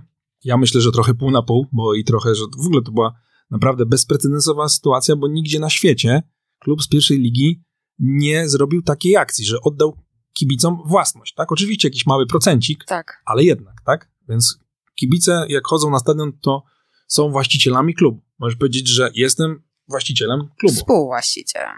Tak, no dokładnie, współwłaścicielem, ale to jest tak jak prezes i, i wiceprezes. No jak Tak. ktoś jest wiceprezesem, to też mówisz do niego prezes, tak? Więc jak A ktoś jest współwłaścicielem, to właśnie, też jest właścicielem. E, jaki procent tak zwykle oddają? Oj, nie pamiętam, wiesz, my tyle spółek e, mamy. A to jest różnie, tak? Że... Tak, tak. To wszystko jest pochodną wyceny spółki, tak? Okej, Mm, okej. I tutaj też dotykamy ciekawej rzeczy, bo w sumie sam, przez przypadek może wywołałaś tą wycenę, ale te wyceny często budzą kontrowersje. E, bo po pierwsze, platformy equity crowdfundingowe mm, no, nie, nie mogą tak sugerować jakiejkolwiek wyceny. Aha. E, to zawsze spółka określa, ile procent s- udziałów, e, w tym przypadku akcji, odda inwestorom, e, a to determinuje po jakiej wycenie, tak? I wycenę mamy pre-money i post-money. To znowu po staropolsku. To jest ciekawe, no ale tak. Czyli Słowniczek zrobimy. tak, pre-money to jest e, przed inwestycją, czyli przykładowo mm, posłużmy się prostymi liczbami, tak? Załóżmy, że chcesz pozyskać, no załóżmy, że na swoją firmę e, milion złotych Mhm. i za ten milion złotych mogłabyś zrobić ABCD, co przełoży Mhm. się na wzrost przychodów, rozpoznawalności e, i tak dalej. I oddajesz 25% akcji w swojej firmie. Swoim słuchaczom, bo trzymajmy się tego przykładu. Tak. Swoją drogą wydaje mi się, że to jest też ciekawy pomysł. I kto wie, może też zapytajmy się słuchaczy w komentarzach, czy zainwestowaliby w twoją firmę. Bo, Oj, lepiej nie, bo jak może być mi przykro potem. no ale słuchaj, no ale to, no to, no to To wiem, żeby zamykać, tak? Nie, dlaczego? Ale to, no okej, to, to już jest kwestia twojej, twojej, do twojej decyzji, tak? Najwyżej to wytniesz. E, Natomiast już trzymajmy się tego przykładu, czyli chcesz pozyskać milion złotych, okrągły milion złotych za 25% twojej spółki. Mhm. Czyli oddasz akcji inwestorom za 25, e, 25% wszystkich akcji oddasz za milion Mhm. złotych. Czyli jakby jedna osoba, na przykład gdyby to się działo na naszej platformie na Bisfancie, kliknęła od razu pierwszego dnia, wpłaciła milion, to ty będziesz miała 75%. Mhm, on będzie za- miał 25. tak, zakładając, że masz teraz 100, no bo jeżeli teraz nie masz 100, tylko masz na przykład 90, no to tam będzie inne proporcje, bo... No, Ale to już no. uprość, uprośćmy Tak. ten przykład. Więc wycena pre-money, czyli przed inwestycją twojej spółki to jest 3 miliony złotych, Mhm, no bo mówisz, że za milion oddasz 25%. mhm. Czyli jak ktoś, jak wszyscy wpłacą, czy jedna osoba, czy tysiąc, to nie ma znaczenia, ale jak wpłacą ten milion, to wtedy spółka jest warta 4 miliony złotych. Mhm. No bo 25 za 4, prosta matematyka, ale to jest wycena już post money, czyli po inwestycji, tak? Ta inwestycja została dopięta. Gdyby się złożyło, że na przykład by wpłacili tylko 500 osób, wpłaciłoby tylko pół miliona i skończyłby się czas maksymalny, jaki polski regulator przewidział na tego typu e, emisję, czyli 3 miesiące, bo tyle maksymalnie może trwać e, kampania equity crowdfundingowa, to wycena post money byłaby nie 4, a 3,5. Tak? No, myślę, że to jest taki w miarę prosty przykład. Mam nadzieję, że każdy zrozumie. E, Więc to wszystko zależy, tak? No bo Mhm. jeżeli masz spółkę, dla- dlaczego mówię o tych wycenach? Bo one są ważne. Mm, Przede wszystkim z punktu widzenia inwestora, który mocno liczy, jak on na tym zarobi i czy w ogóle może na Mhm. tym zarobić, tak? Bo e, my mm, obserwujemy oczywiście kampanie, które przeprowadzają, e, mm, znaczy obserwujemy spółki, które przeprowadzają kampanie i to też jest e, fascynujące zjawisko na naszym polskim rynku i, wzbudza też wiele emocji Mhm. i jak widzisz, na przykład ktoś może określić, że mm, wycena danej spółki jest zbyt wysoka. Mhm. Tak, jeden inwestor może e, uważać, że okej, ta konkretna spółka wyceniła się na 20 milionów złotych, a moim zdaniem to ona jest warta maksymalnie 10. Mhm. Tak, załóżmy. No i wtedy pojawia się pytanie. On, on wtedy powie: No nie, to ja nie zainwestuję, no bo moim zdaniem ta spółka jest warta 10 milionów, a nie 20, tak? Mhm. No i, no i ten człowiek nie zainwestuje. Ale może być inny człowiek, który powie: Okej, no może ta wycena faktycznie 20 to jest trochę dużo, albo 20 to uwzględnia, jakby spółka miała ciut więcej dowiezione, ale ja zaufam tej spółce, że jednak oni faktycznie to dowiozą, tak? Bo są na wczesnym etapie e, i, i ja wierzę w ten zespół. O, i tu słowo klucz kolejne padło, e, bo zespół jest ważny i ja- jakbym miał wskazać e, najbardziej kluczową rzecz w inwestycji, jeżeli inwestujesz we, w, w spółkę we wczesnym etapie, to najważniejszą rzeczą jest zespół Mhm. bo możesz mieć najlepszy model biznesowy, najlepszy produkt, najlepszy, nie wiem, usługę najlepszą, najbardziej innowacyjną, w ogóle perełkę, y, w ogóle Mhm. rewolucyjną technologię.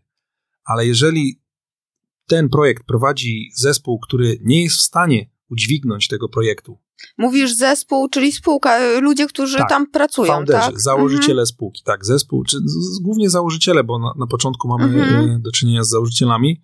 Później czasem dołączają do spółki kolejne osoby, które jakoś w ogóle dowiadują się do Mhm, spółce i no. stwierdzają, kurczę, fajnie by było tutaj dołączyć do tej spółki, e, bo robi dobrą rzecz, e, fajny rynek, to ma przyszłość i tak dalej.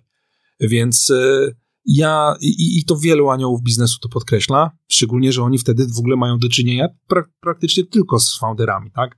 E, Mhm. i, I muszą swoim tak zwaną metodą ekspercką ocenić, czy ci ludzie mm, udźwigną ten projekt, tak? Mhm. Bo ty inwestujesz nie tu i teraz, tak? Gdyby inwestorzy na przykład e, mieli zainwestować milion złotych w twoją firmę, no to oni nie inwestują tu i teraz, tylko oni inwestują, że ty za rok, za dwa, za pięć tą firmę rozwiniesz do takich rozmiarów, że po pierwsze ona będzie generowała duże przychody, że albo będziesz mogła im e, wygenerować e, dywidendę, czyli załóżmy, że twoja spółka e, za rok mogłaby wypracować milion złotych czystego zysku i wtedy proporcjonalnie ten zysk można w postaci dywidendy Mhm. wypłacić wszystkim akcjonariuszom, tak? E, Albo mógłby się pojawić, no właśnie to jest, e, e, ale pójdźmy w to, w sensie mógłby się pojawić na przykład inny, osoba, która prowadzi podobną firmę do ciebie Mhm. i mogłaby do ciebie przyjść i powiedzieć, a ja bym kupiła to całą pani firmę za na przykład 5 milionów złotych Mhm. tak? Albo trzymajmy się jeszcze tamtego przykładu, czyli wtedy była warta 4 post money i ta, ta osoba powie, a ja bym kupiła za 10, no bo jak pani ma milion złotych zysku rocznie, no to powiedzmy, że wycenimy tam, e, no cena do zysku razy 10, no i kupię za milion. Mhm. Znaczy, Przepraszam, za 10 milionów, tak? Tak. No to wtedy inwestorzy, e, te- ten inwestor, załóżmy, że on jest jeden, tak? No ale to może być e, więcej, to wtedy za 25% za milion kupił, no to wtedy będzie miał ponad 100% zysku, bo jak ktoś kupi za milion, no to on dostanie 2,5 miliona, przepraszam, za 10 milionów, sorry, trochę zamieszałem. Jak ktoś kupi twoją firmę za 10 milionów, to on z tego miliona otrzyma 2,5 miliona, tak? Mhm. plus jeszcze przez te parę lat dostawał od ciebie dywidendę, tak? Więc to też jest, e, e, może być taki scenariusz. Ale równie dobrze może być taki scenariusz, że tak jak twoja firma jest e, oparta, podejrzewam w dużej mierze na twojej marce osobistej, Tak. więc to jest ogromny czynnik ryzyka dla mnie jako inwestora. Bo co, co się starzy, gdyby, gdyby na przykład, e, nie wiem, e, no coś ci się odwidziało, że ty teraz będziesz się zajmowała czymś innym. Albo coś by mi się stało, bo też tak O, może Absolutnie, no to, to tego nie chciałem takiego, ale no, no to już pójdźmy w to. W sensie wpadłaś pod tramwaj na przykład. Tak. No i, i, i nie ma. być. cię. Może pod autobus, bo tramwajami jeżdżę, a autobusami nie, więc może autobus. To trzymajmy się autobusu. No i wpadłaś pod autobus i faktycznie no, spółka traci na wartości, tak? Więc y, i to też jest właśnie przechodząc do zespołu. Dlaczego mówię zespół? Bo jak jest spółka oparta na jednej osobie, no to to jest skrajne ryzyko, bo tej osobie może ta może osoba się może zakochać, może zwariować. No różne rzeczy się dzieją pojedynczym, pojedynczej osobie, tak? Tak. A jeżeli masz zespół dwóch, trzech, pięciu founderów, z których każdy na przykład jeden za technologię odpowiedzialny, drugi za sprzedaż, trzeci za marketing, no to nawet jak jeden z tych e, mm, puzli, no tak, u, u, o ludziach powiedziałem puzzle, ale załóżmy, że ten e, jeden z członków zespołu, e, no coś mu się stanie, no to już to nie jest tak, że 100% firmy Tak. pada, tylko 20%, tak? Jakoś można ten, ten brakujący puzzle uzupełnić, Tak. tak? No oni się mogą uzupełnić Tak, sami, więc tutaj nie? tak, więc, więc dużo inwestorów na pewno zwraca uwagę na zespół. Przynajmniej ja bym rekomendował inwestorom zwracać uwagę na zespół, kto stoi za spółką, e, no bo to jest na pewno duży czynnik ryzyka, tak? Mhm. I ja zawsze też staram sobie ocenić founderów pod tym kątem, czy oni udźwigną na przykład dziesięciokrotny wzrost przychodów spółki, rozmiarów spółki w ogóle. Załóżmy, że teraz spółka zatrudnia 30 osób i czy oni udźwigną, jakby spółka za, zatrudniała 300 osób. No Albo jakby za, to- za 3000 osób. Jakby. To, to, to jest trudno ocenić, tak wiesz, e, na, na pierwszy rzut oka i ucha, no ale to jest właśnie to ryzyko, które podejmujemy, tak? Więc warto zawsze zadawać pytanie e, e, founderom, jeżeli myślimy o inwestycji, jaki jest ich plan na spółkę. Tak? No ale taki Kowalski nie może e, zadać pytania, no bo on wchodzi na platformę i... Nie, no właśnie może, właśnie widzisz, to jest ciekawe. I jeszcze może robiąc taką klamrę, czy kotwicę do tych aniołów biznesu, tak? Tak? Bo anioł biznesu, jeżeli się spotyka z kimś i, i mówimy o jakiejś inwestycji takiej do pół miliona złotych, czy na przykład załóżmy, że to jest 200 tysięcy złotych, yy, albo ćwierć miliona złotych, bo to ostatni przykład. Nie będę podawał spółki, bo też e, obowiązują mnie pewne umowy poufności, poza Mhm. tym też nie, nie zawsze ktoś sobie życzy. E, ale e, przykład z, z, ostatnio miałem taką inwestycję. E, anioł biznesu zainwestował ćwierć miliona złotych w spółkę. I to jest ciekawe, że on objął, przepraszam, dwóch aniołów, każdy po 250. Objęli 25% w spółce. I spółka po dwóch latach rozwinęła się na tyle, że ci aniołowie sprzedali swoje udziały, mhm. no bo anioł, anioł, aniołom też zależy na tym, to też oczywiście zależy, każdy anioł może mieć inne podejście, ale e, tak jakby, jeżeli anioł inwestuje w spółkę, która ma przed sobą ścieżkę inwestycji wieloletnią, że na przykład będzie jeszcze fundusz Venture Capital jeden, tak, później tak. drugi, później trzeci, no to dla, w momencie inwestycji dla anioła najważniejsze jest to, żeby znalazł się kolejny inwestor. Bo taki anioł biznesu, on może sobie zaryzykować, on może stracić ćwierć miliona złotych, ale jak ta spółka, w którą zainwestował, będzie potrzebowała za chwilę 5 milionów złotych na dalszy rozwój, mhm. no to ten anioł już nie będzie w stanie podnosić takiego ryzyka, no bo by musiał zaryzykować dużą częścią swojego kapitału. Więc jego celem jest dowiezienie tego, tej spółki do kolejnej rundy finansowania i albo wtedy sobie dokona exitu, tak było w tym przypadku, e, i i pamiętam, że oni wtedy zarobili... Exit to jest wyjście tak, z tego wyjście... i zarabianie, tak. takie kaszowanie tak, inaczej. Tak, tak. po starosłowiańsku. Widzę, że tutaj poznajesz ten nasz starosłowiański język, dokładnie. E, no i, i tak, tak, tak, może się tak wydarzyć. No równie dobrze, może się wydarzyć, że on straci te pieniądze. Właśnie o tym też chciałbym wyraźnie podkreślać co parę minut, że to jest skrajnie ryzykowne, i powinno się inwestować tylko tyle pieniędzy, ile może się stracić, tak? Tak. No to jakby wszystkim trzeba, no wiesz. No tak, natomiast uważać. są bardziej bezpieczne, czy, czy mhm. mniej ryzykowne inwestycje i bardziej ryzykowne. Jest, to tak. te są te bardziej, bardziej, najbardziej. Jedne z najbardziej. Okej, okay, no a y, zobacz, bo tutaj mówiłeś o y, drużynie sportowej, która ma swoją społeczność fanów, oni tutaj serwery padły, super. A jeżeli ja nie mam takiej społeczności, jak ja mam promować taką y, akcję, gdzie ja jestem, to się nazywa emisja chyba, tak? Tak, tak. z punktu widzenia tak. prawnego to jest emisja. Tak, no i tak jak emisja akcji, prawda? Jak tak. wypuszczenie na rynek akcji, no to ja tutaj sobie wchodzę i jestem no tak mało znana yy, i co, jak, jak, jak to się promuje? Czy wy to jakoś promujecie? Czy to na przykład na Facebooku się można reklamą, czy w Google Adsach? Jak, jak właśnie to wygląda? Mhm. To jest bardzo dobre pytanie.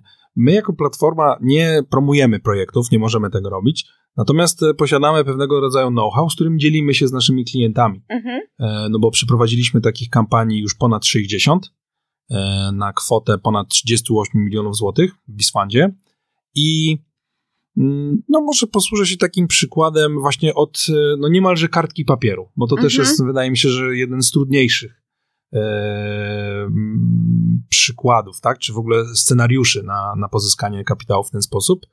I pamiętam, jak w połowie... A, e, co rozumiesz, że od kartki papieru? Że Czyli, do... że wczesny etap bardzo. Okej, okay, bardzo okej, okej, a, okej, okej, tak. okej. I pamiętam, jak e, w połowie 2018 roku poznaliśmy się z prezesem e, browaru Jastrzębie, Piotrem Piekarskim, i oni wtedy mieli wyprodukowanych tam bardzo malutką ilość piwa. W sensie to było kilkaset butelek. Mhm. To na tyle, ile poznałem branżę piwowarów w Polsce, e, to zwinny piwowar to tyle między kuchnią a łazienką jest w stanie w domu wyprodukować. Okay. I oni z czymś takim do nas przyszli. Nie mieli dużej sprzedaży, e, bardzo, bardzo wczesny etap. Ale mieli ogromnie sfokusowanego prezesa na to, że on chce to zrobić. Mhm. E, zresztą Piotr Piekarski jest bardzo charyzmatycznym człowiekiem, takim, który po prostu robi jest naprawdę, on też jest prezesem innej spółki, mm, która jest no, notowana na Nikonekcie. To jest biuro księgowe, o ile dobrze pamiętam, więc ma doświadczenie biznesowe. Ale dołączyły do niego, czy też on pozyskał, tak? Zbudowali sobie taką drużynę składającą się jeszcze z trzech piwowarów.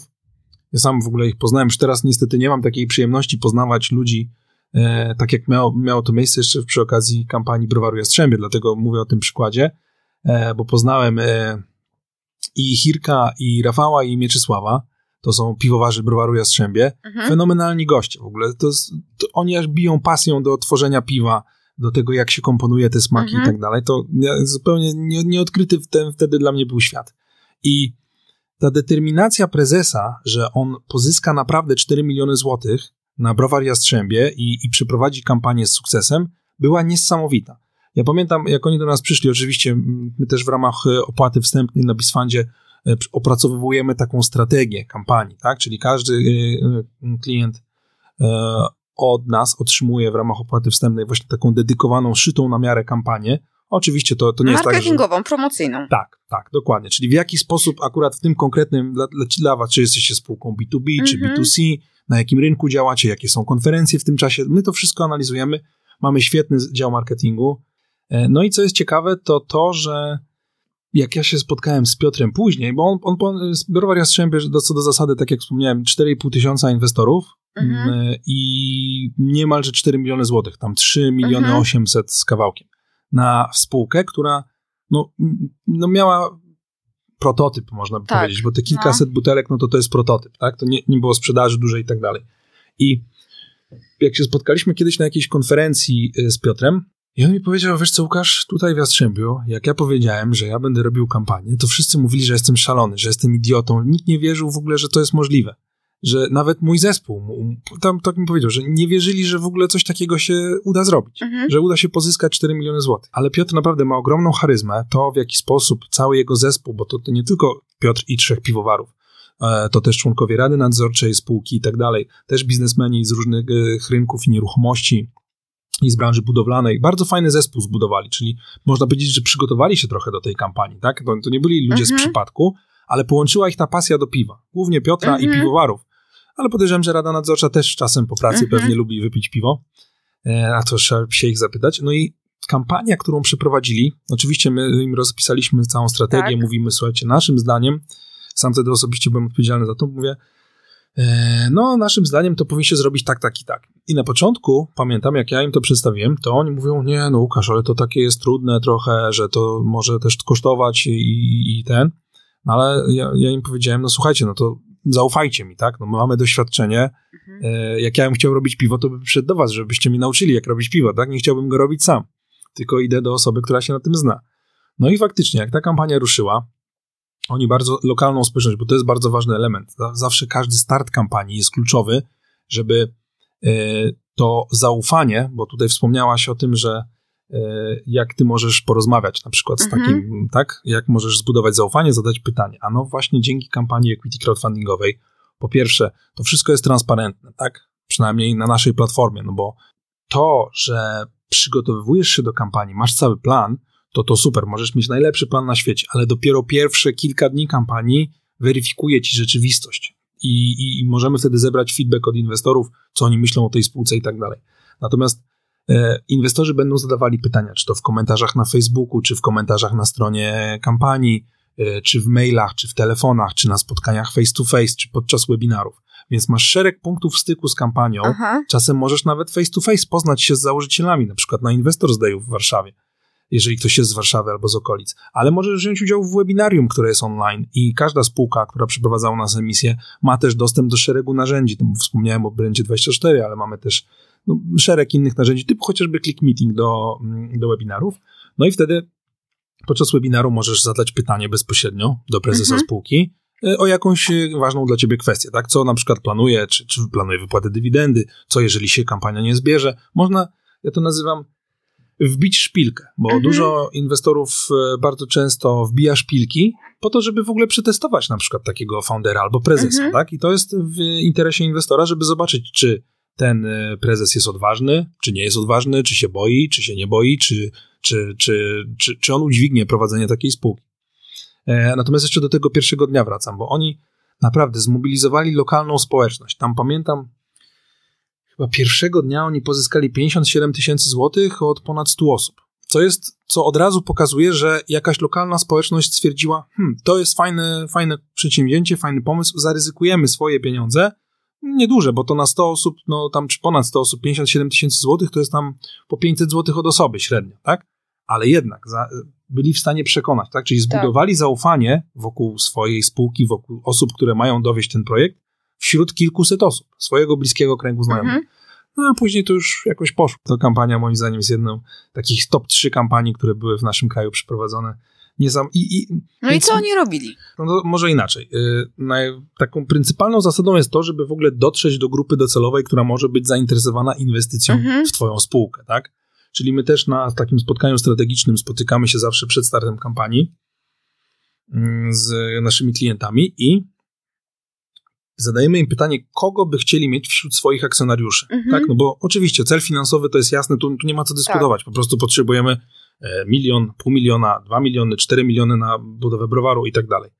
Natomiast e, zawsze warto sobie zadać pytanie, kogo ja dziś, tak jak przykładowo ty, jakbyś przeprowadzała swoją kampanię, to mogłabym ci zadał pytanie, a kogo byś chciała, Agata, mieć w swoich akcjonariuszach za rok, za dwa, za pięć? Kto, bo być może oni mogliby ci otworzyć jakieś furtki w innych firmach, w jakichś branżach, e, zwiększyć źródła przychodu, tak? Możesz się zastanowić, kogo warto by było, żeby byli akcjonariuszami twojej spółki, bo później przecież są walne zgromadzenia. Tak. Możesz zrobić zamkniętą grupę na Facebooku dla tych akcjonariuszy, wymieniać się z nimi myślami, wpuszczać do nich regularnie newsletter e, czy jakieś raporty z działalności spółki, poprosić ich o pomoc w pewnym przypadku. No to jest mag- naprawdę magiczne rzeczy się dzieją. Natomiast y, odpowiadając może trochę, z, czy tego e, rąbka tajemnicy uchylając, e, jeżeli chodzi o marketing, no to jak już mamy, wiemy do kogo chcemy dotrzeć, no to wybieramy kanały, tak? Okej, no tak. Oczywiście jest szereg narzędzi, no to klasyczne ten, no, tutaj klasyczny marketing. Chociaż i klasyczny, i nieklasyczny, to też bym wyraźnie podkreślił, bo te same kampanie equity crowdfundingowe charakteryzują się bardzo mocną specyfiką.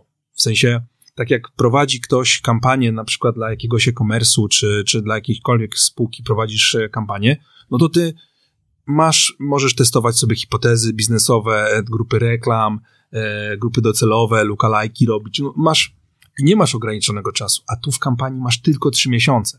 To jest tylko trzy miesiące, to jest bardzo mało czasu. Ty już po pierwszych dwóch tygodniach musisz wiedzieć, co żre, co nie żre, w którą stronę pójść i tak dalej. Ty musisz de facto co dwa dni anali- analityk musi patrzeć na statystyki, skąd ge- generowany jest ruch, jak ten ruch trafia, jak ten ruch konwertuje, dlaczego ten ruch konwertuje, co jest motywacją i tak dalej. Więc to jest naprawdę bardzo, bardzo mocna specyfika i e, my w przestrzeni ostatnich dwóch lat e, zbudowaliśmy taki ekosystem e, firm marketingowych. Też w sumie, no widzisz, my się znamy, więc też mam spory network na rynku marketingowym, ale to nie tylko ja, to też jest Konrad Latkowski, też jest Mateusz Tułecki, Arkadiusz Regiec.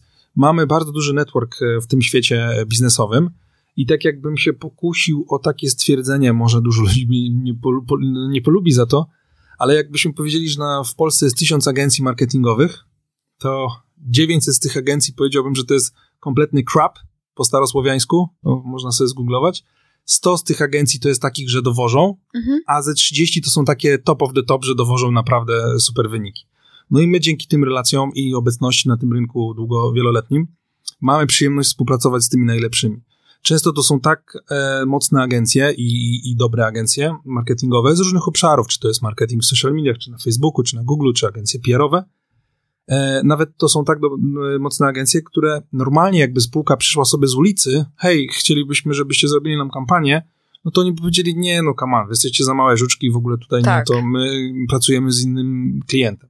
No ale dzięki naszym relacjom jest to możliwe, także to też jest duża e, wartość dodana, jeżeli ktoś przeprowadza kampanię z Bizfundem, no bo ma dostęp do naprawdę najlepszych ludzi na rynku, Tak. którzy nie zrobią sztampowo od A do Z i cześć i, i, i następny, tylko właśnie podchodzą bardzo, bardzo personalnie i bardzo często e, to też jest tak, że po przeprowadzeniu kampanii nasi klienci dalej współpracują z tymi firmami, no bo dowieźli im wynik, Tak. są zadowoleni, mają zbudowaną relację i dalej na przykład sprzedają ich e, produkty czy Tak. usługi e, e, w internecie chociażby i tak dalej. Więc to nas bardzo cieszy. Natomiast no to jeżeli mógłbym przestrzec, bo zdarzają się też takie sytuacje, że do naszych klientów e, zgłaszają się firmy marketingowe, te, te 900, które Tak. mówiłem, że są crap, no i mówią, że my tutaj dowieziemy, że fajnie, że w ogóle super, a tak naprawdę to jest przepalanie pieniędzy, no i niestety to jest smutne, no bo ta spółka potrzebuje pieniędzy i nie powinna ich przepalać, Tak. tylko wydawać je bardzo rozsądnie i, i oglądać każdą złotówkę dwa razy.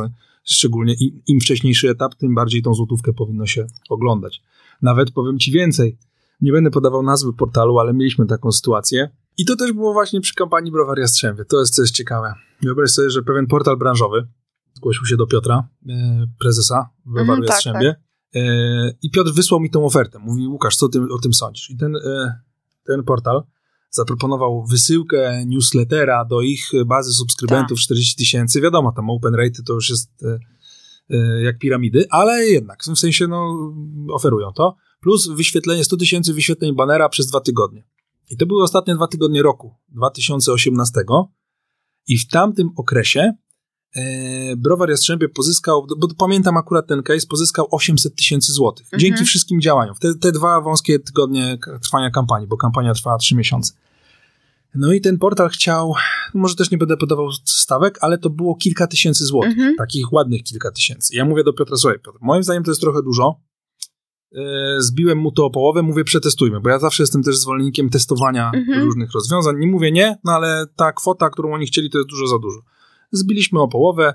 E, My też e, każde jedno działanie, które pro- przeprowadzamy, czy klienci nasi przeprowadzają, czy firmy, które e, obsługują naszych klientów, wszystko jest mierzone. Mhm. Każde jedno kliknięcie wszyściutko musimy analizować, po to, żeby na koniec dnia wiedzieć, ok, taki taki typ inwestora jest, tak, dokładnie. Konwersja jest mierzona na każdym, nawet w niektórych sytuacjach mamy dwa systemy niezależne, po to, żeby sobie porównywać, czy na pewno dobrze nam zlicza. Tak. Aż do tego stopnia. No bo to jest tutaj kluczowe. Żeby też ta efektywność e, działań marketingowych była jak najwyższa, no bo nie chcemy, żeby spółka e, przykładowo e, chyba na, raz była na New Connectie taka sytuacja, że spółka pozyskała mm, 5 milionów złotych, czy 5,7 miliona złotych, a 3,6 miliona złotych wydała na promocję. Ojej. Żeby pozyskać te no, 5,7. to Masakra. No to brzmi kosmicznie, tak? To u, u nas nie ma takiej sytuacji. U nas no, ten koszt marketingu to jest maksymalnie 10%. A to trzeba mieć jeszcze, nie? Na marketing, jak się do tak, was no to, zgłasza. to, to słuchaj, ale to wszędzie trzeba no. mieć, tak? Nie, To no, jak- no tak, tak, tak, wiesz. Natomiast jeszcze wracając do tego przykładu z tym e, portalem branżowym, no to jeżeli e, mamy system taki analityczny, przykładowo czy to jest Facebook, czy Google, no to te platformy, czy nie wiem, czy Twitter, czy LinkedIn, to dostarczają swoje systemy analityczne. Natomiast w współpracy na przykład z influencerem, albo właśnie z portalem takim, który nie ma swojego systemu, no to stosujemy linki trakujące. Tak. Zas- zaszywamy swoje UTM-y, to też już po starosłowiańsku będę mówił. Już nie A będę... to UTM-y to ja Tak, ale- odeślę do ten. Tak, ale UTM-y, bitlujemy to jeszcze, żeby były Tak. koszerne, czyli Bitly, takie... taki serwis. Tak, skracacze linków, no tego wiadomo. I co jest ciekawe, wysłaliśmy im to, mówimy koniecznie te linki mają tam pójść, bo my chcemy sobie zmierzyć konwersję, UTM-y nasze mierzą koszyki na stronie kampanii, wszystko wiemy i tak dalej. I wyobraź sobie, że z tego newslettera mitycznego 40 tysięcy subskrybentów i banera wyświetlonego 100 tysięcy razy, to jest w ogóle kosmos jak dla mnie, było 129 wejść Ja jestem w stanie uwierzyć. i było inwestycji na 1230 albo 50 zł. To i tak dużo. No, to i tak, no. to, powiem ci, że to i tak dużo. Tak, ale pójdźmy jeszcze z tą historią dalej, bo to jest, jeszcze, to jest dopiero początek.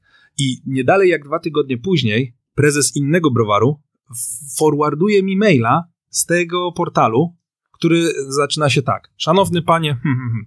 browar Jastrzębie w dwóch tygodniach ostatnich grudnia zebrał 800 tysięcy złotych dzięki naszej kampanii, rozumiesz? Mm, Tak. i chciał od tego klienta kolejny ten. I ja jak to przeczytałem, to no, mówię, wow, to jest mocne. Wyciągnąłem telefon, oczywiście zadzwoniłem do tego drugiego prezesa, mówię, słuchaj chłopie, no, to nie jest tak do końca, jak oni tutaj piszą. No to jest moim zdaniem nawet nie, brakuje mi słów, tak? To jest, moim zdaniem to jest po prostu oszustwo. Tak. Bo, no, bo, no, no, bo, no bo tak, No tak. to jest, e, ale, ale to, takie pułapki też czekają na funderów albo spółki, które przeprowadzają kampanię. Które się nie znają, oni są dobrzy, załóżmy, w produkcji piwa, a nie Dokładnie. w marketingu, nie? Natomiast jeszcze chciałem przejść płynnie już, co się dzieje po kampanii. Aha. Bo powiedzmy, że bo nie każdy będzie miał tysiące inwestorów, tak jak Browary Jastrzębie 4,5 tysiąca, czy, czy Wisła Mhm. Kraków 9 tysięcy.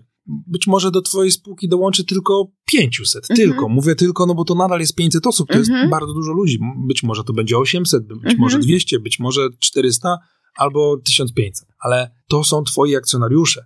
Ty, po pierwsze, co jest magiczną rzeczą, masz ich adresy domowe, możesz im wysłać korespondencję, taką odezwę od prezesa.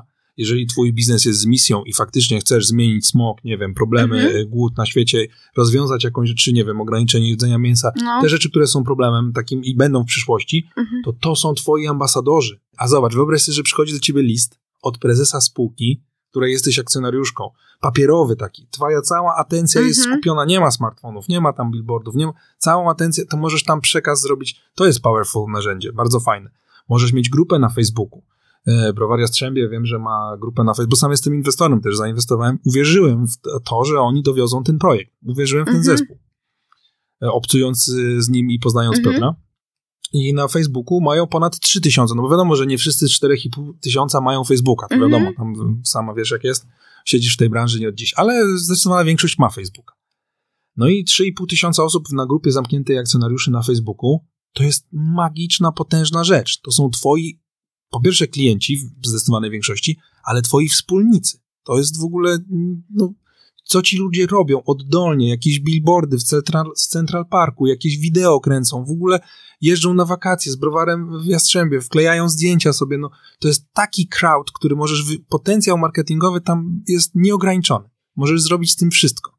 I teraz, jeżeli ty na początku działalności spółki otaczasz się takimi 200, 300, 400 tysiącem osób i po roku na przykład stwierdzasz, no dowieźliśmy tutaj cele, no to budujmy naszą społeczność dalej. I potem dołączają kolejne tysiące, kolejne tam trzy setki, no bo to, nie, to, to może być też i kilkadziesiąt osób, jeżeli to są zorganizowane osoby, tak? Możesz budować system dystrybucji swoich produktów. Przecież ci akcjonariusze bardzo często słyszę, chociaż już na szczęście rzadziej, ale jeszcze dwa lata temu czy trzy lata temu to słyszałem, nie no, equity crowdfunding to tak, to fajne jest, tak, ale dla takich y, produktów B2C czyli business to customer, czyli dla, mm, byś mogła na polski przetłumaczyć ze starosłowiańskiego. E, business to business, e, czyli biznes do biznesu sprzedaje, a i e, biznes do klientów. Tak, dokładnie, czyli... czyli B2C, customer, Dokładnie. Tak. No i że spółki B2B to tam w equity crowdfundingu nie mają co szukać, bo to przecież jest dla masowych klientów, a nie dla firm. No i nic bardziej mylnego, ponieważ e, szereg spółek B2B przeprowadziło kampanie equity crowdfundingowe i ja nawet bym powiedział, że w niektórych przypadkach to jest tak świetne narzędzie, bo może posłużę się jakimś przykładem. E, mamy e, spółkę mm, Software House. Mhm. W sumie dwa Software House przeprowadziły już kampanię. I to też jest ciekawe, że oba Software House już dwa razy zrobiły to. W sensie, mhm. wielu naszych klientów założyliśmy, że powraca do nas po roku, a nawet niektóre po pół, po pół roku. Na przykład Pelixar e, przeprowadził, niecały rok minął i już przeprowadzają kolejną, bo dostali grant, dofinansowanie tam prawie 2 miliony złotych i naprawdę fajnie to się rozwija. E, no i Pelixar to też jest B2B swoją B2B, drogą. Bo tak, tak ale bo... przejdźmy jeszcze do tych software house'ów, bo to jest ciekawe. Chociaż Pelixar też mógłbym tutaj podawać przykład, ale e, software house'y no to jak sama nazwa wskazuje, też w starosłowiańsku, czyli domy oprogramowania, tak. E, dostarczają produkty IT innym firmom. Czyli mhm. produk produkują oprogramowanie dla innych firm, piszą soft i tak dalej. No i jak budują akcjonariuszy swoich takich software house, to po pierwsze, ci ludzie, którzy inwestują w spółkę, jeżeli pracują na jakimś rynku, to później taki software house może po pierwsze zaoferować jakiś procent, jeżeli ktoś przyniesie jakiś kontrakt, tak? No to mhm. może wypłacić prowizję z tego. Czyli załóżmy, że ja jestem akcjonariuszem Software House'u, czy na przykład e, byłem minister cyfryzacji Anny Stryżyńskiej, e, czy e, doktora Krzysztofa Wojewodzica Escola, tak? Tu mówimy mhm. MC Kwadrat i Escola. Takie dwa software house'y przeprowadziły do tej pory, tak? Bo zapraszamy więcej software house'ów jak najbardziej. I ja mogę, taki Krzysztof może mi powiedzieć, słuchaj Łukasz, jesteś moim akcjonariuszem, ty znasz dużo firm, jakby ktoś chciał zrobić na przykład stronę internetową albo jakiś system e, CRM, cokolwiek, co oni tam produkują, to ja ci zapłacę tam 5% e, prowizji z tego klienta, jeżeli mhm. go skutecznie polecisz, tak? No, świetne rozwiązanie. Możesz mieć kilkuset sprzedawców, którzy nie są oczywiście na payrollu, czyli nie płacisz im miesięcznie pensji, tak. ale jeżeli by usłyszeli gdzieś tam na przykład na weselu, że jego daleki kuzyn poszukuje firmy, która by napisała mu oprogramowanie, to on mówi wtedy, a wiesz co, bo ja jestem współwłaścicielem takiej firmy i ja mógłbym cię poznać z prezesem, to może byście sobie umówili się na kawę, nie? No, no słuchaj. Zobacz, jaki transfer zaufania, tak? Ja swojemu kuzynowi mogę polecić i mój kuzyn mi ufa, bo zna mnie od dziecka, tak? Zobacz, transferujesz zaufanie, jednocześnie ufam też prezesowi tej spółki, no bo go znam, wiem, tak. że dowozi i tak dalej. Więc ja z czystym sumieniem mogę go polecić. A jednocześnie, jeżeli tam będzie jakiś system partnerski poleceń, no habemus papam, tak? No, no jest bardzo, bardzo fajne, można sobie betonować też rynek i y, kapitałowo wiązać y, pewne podmioty. Tak. Czyli... Oczywiście w przypadku B2C też to działa, no bo możesz wśród swoich klientów tak zrobić, tak. na przykład system referali, tak? Jeżeli budujesz jakąś społeczność, na przykład jakąś aplikację nowoczesną, nie wiem, Smart City na tak. przykład teraz jest modne, no to możesz y, powiedzieć, że ok, każdy z naszych akcjonariuszy, jeżeli przynie, przy, y, zarejestruje nowego użytkownika, czy doprowadzi do tego z refera linka, no to będzie miał jakiś tam benefit, tak? Mhm. No świetne rozwiązanie. tak, no. A powiedz mi jeszcze tak e, na koniec, taką jedną dobrą wskazówkę spółce, która chciałaby B2B, B2C, która chciałaby właśnie, która interesuje się, z, no spodobało jej się to, e, no jak tutaj się do tego przygotować, e, jak się do was odezwać. Do kampanii, jak się przygotować? Mhm. No jak wejść, do, ogólnie do wejścia, tak? To takie, dobra, masz trzy dobre rady. Hmm.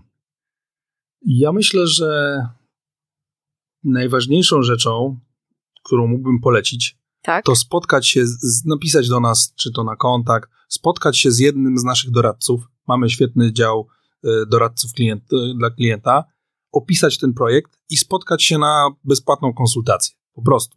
Nasi eksperci mogą ocenić y, i, i policzyć i zaproponować też, myślę, że ciekawe rozwiązanie, jeżeli to ma sens, tak? No bo jeżeli nie ma sensu, E, no to być może jest za wcześnie, być tak, może jest za no późno. To powiedzą. E, ale tak się złożyło i, i, bardzo się cieszę, bo to już e, w sumie ósmy rok działalności spółki, że my mamy najlepszy zespół equity crowdfundingowy w tej części -hmm. Europy. Mówię to bez kozery, bo jestem też inwestorem w innych platformach equity crowdfundingowych. No i bardzo się cieszę, że ten zespół udało nam się zbudować. Co więcej, rozbudowujemy nadal, nadal ten zespół, mhm. szukamy osób do marketingu. Wiem, że twoją, twoim pierwiastkiem też jest marketing, więc specjalnie to podkreślam, gdyby ktoś był, chciał, e, był zainteresowany dołączeniem do Bisfundu, no to kariera małpa Bisfund, wysyłajcie CV, podpiszcie, że z, usłyszeliście tutaj, wtedy będziemy wiedzieli też, konwersję zmierzymy i, i, i będzie nam miło. Więc jedyna rada, jaką bym dał, to po prostu się nie bać, spróbować i jeżeli macie jakieś alternatywne środ- sposoby pozyskania finansowania, czy to venture capital, czy mhm. bank, czy tak dalej, to sprawdźcie sobie, jaką alternatywą może być equity crowdfunding, mhm. bo może się okazać, że to będzie najlepsza z możliwych ścieżek, bo każda z form finansowania spółki wiąże się z jakimiś obostrzeniami, tak? tak? Kredyt trzeba spłacić, venture capital zapisze wam takie zapisy też po starosłowiańsku powiem, e, homonto dostaniecie na szyję i będzie naprawdę ciężko, tak? No bo to, to są po tak. prostu twarde umowy, tak? A tutaj macie armię akcjonariuszy, macie armię ambasadorów, którzy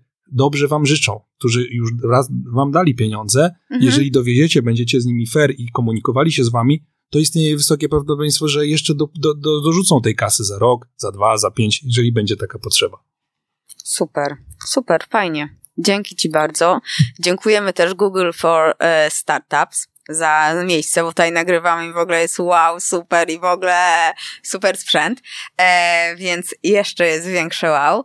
E, ja życzę Wam dalszego powodzenia, sukcesów i, i, i fajnie i, i mam nadzieję, że coraz więcej firm będzie tam też e, z sukcesem wychodziło z emisji e, i, i będzie po prostu wszystko się kręciło super. Super, też mam taką nadzieję. Bardzo dziękuję za rozmowę. Dzięki, trzymaj się, pa. Hej.